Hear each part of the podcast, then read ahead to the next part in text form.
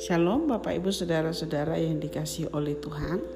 Kembali kita akan merenungkan firman Tuhan yang terambil dari satu Tawarik pasal yang ke-22 dan ini adalah merupakan kelanjutan dari pasal 21 yang telah kita uh, baca dan renungkan sebelumnya dan ayat ini dimulai dari ayat 1 lalu berkatalah Daud di sinilah rahmat Tuhan Allah kita dan di sinilah mesbah untuk korban bakaran orang Israel.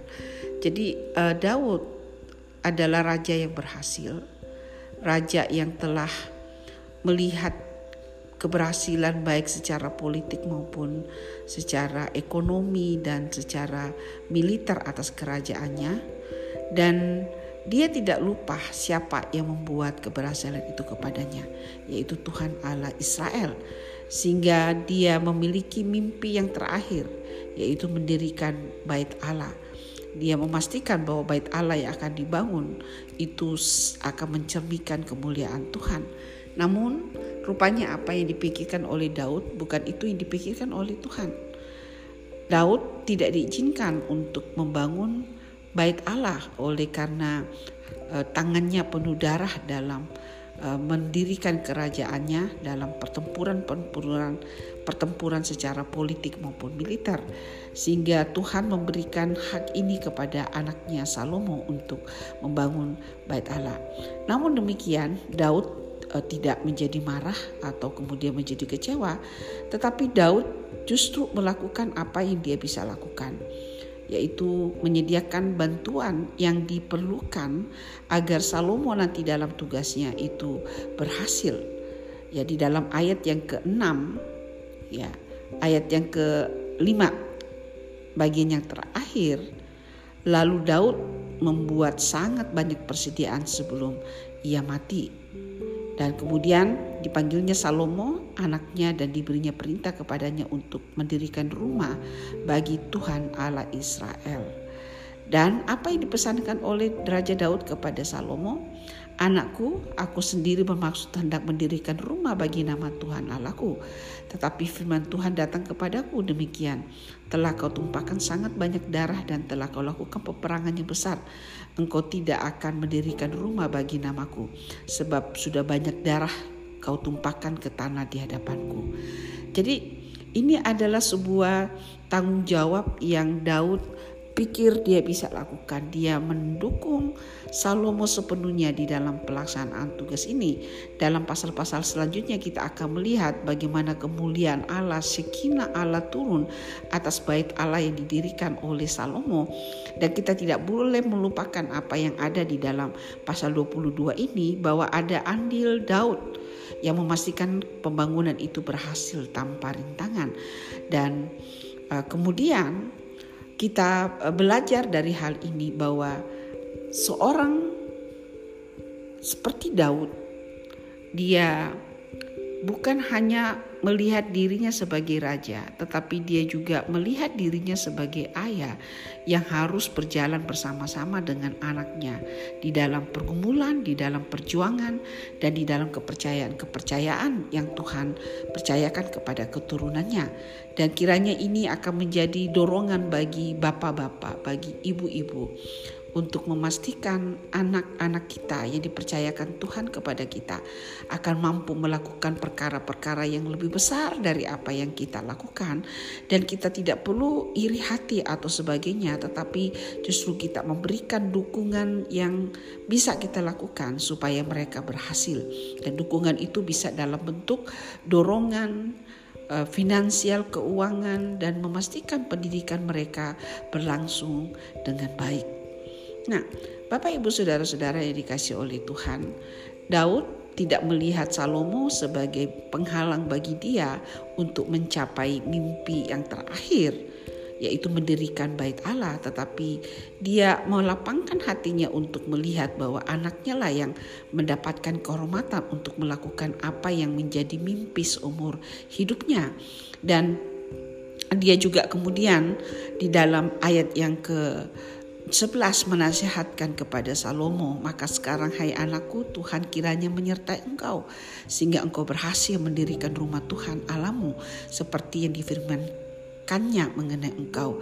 Hanya Tuhan kiranya memberikan kepadamu akal budi dan pengertian dan membuat engkau menjadi pemegang perintah atas Israel supaya engkau memelihara Taurat Tuhan alamu.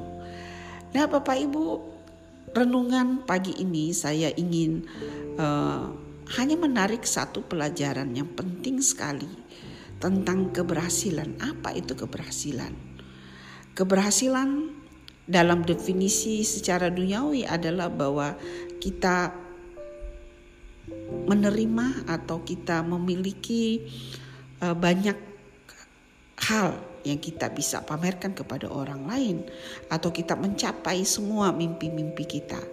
Tetapi dalam percakapan ini saya justru melihat bahwa Daud telah dibukakan pikirannya untuk melihat bahwa keberhasilan yang sejati bukan pencapaian-pencapaian, bukan apa yang dia miliki, bukan keberhasilan-keberhasilan yang dia miliki.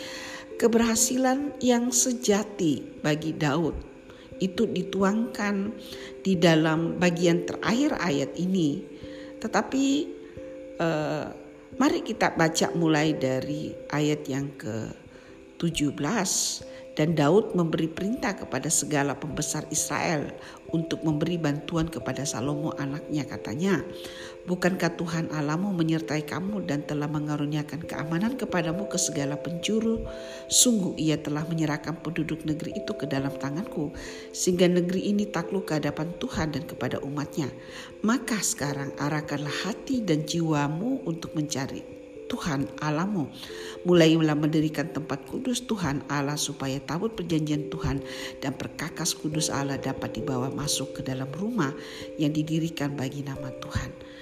Kunci keberhasilan bagi Daud bukan pencapaian, tetapi apakah keberhasilan-keberhasilan apa yang dia miliki, apa yang ada di tangannya memimpin dia kepada apa yang dinyatakan di dalam ayat 19 A mengarahkan hati dan jiwa untuk mencari Tuhan. Bapak Ibu, dunia menawarkan kepada kita sebuah nilai yang terbalik dengan apa yang ada di dalam ayat 19. Seolah-olah bahwa tujuan hidup kita yang terakhir adalah memiliki apa yang kita bisa genggam. Mungkin gaji tinggi, kita memiliki rumah yang besar, kita menjadi orang yang kaya, anak-anak kita berpendidikan dengan baik, mendapatkan pekerjaan yang baik, lebih baik daripada kita, dan kita akhirnya mendapatkan kehormatan. Tetapi firman Tuhan mengatakan bukan itu yang disebut keberhasilan. Itu adalah pencapaian-pencapaian yang seharusnya mengarahkan kita kepada keberhasilan yang sejati. Apa itu? Hati dan jiwa yang mencari Tuhan, yang melekat kepada Tuhan. Dan apa bukti bahwa dari semua yang kita capai, kita tidak melihat itu sebagai yang terpenting, tetapi yang terpenting adalah apakah hati kita tetap, jiwa kita tetap melekat kepada Tuhan, mengutamakan Tuhan. Dan perkara ini dapat diukur dengan sebuah tindakan dalam konteks Daud dan Salomo adalah mendirikan tempat kudus Tuhan, mendirikan rumah Tuhan, di mana kemuliaan Tuhan, sekinah Tuhan dinyatakan. Dan ini tetap menjadi prinsip yang sama dengan kita. Kita bisa berkata kita mengasihi Tuhan, tetapi tindakan nyata itu harus diekspresikan, harus dinyatakan karena kalau tidak maka itu hanyalah sebuah perkataan belaka, hanyalah sebuah wacana tetapi tidak memberikan bukti bahwa hati kita sungguh melekat kepada Tuhan.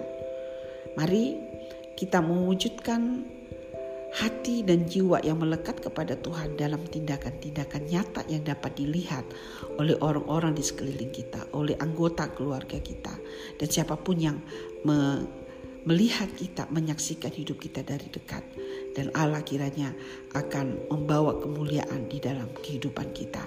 Dan secara prinsip bahwa diri kita adalah bait Allah yang sejati. Ya, bait Allah yang sejati. Di situlah tempat kehendak Allah dinyatakan. Kehendak Allah menggerakkan dan kehendak Allah memenuhi hidup kita.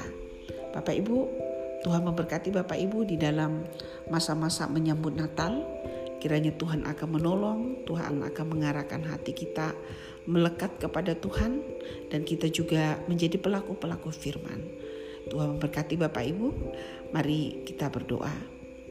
Tuhan kami berdoa mengucap syukur untuk firman-Mu dan kami sungguh bersyukur untuk firman-Mu yang mengingatkan kami kembali bahwa yang terpenting dari semua yang kami dapatkan itu adalah hati kami tetap melekat kepada Engkau bukan harta, bukan uang yang menjadi Tuhan bagi kami. Engkaulah Tuhan dan Engkau adalah Raja bagi kami. Berkati kami di dalam segala hal sehingga kami bisa menikmati. Tetapi tolong kami juga untuk tidak menggantikan uh, hubungan kami dengan Tuhan dengan apa yang kami miliki. Tuhan berkati kami dalam pekerjaan kami, berkati kami dalam keluarga kami.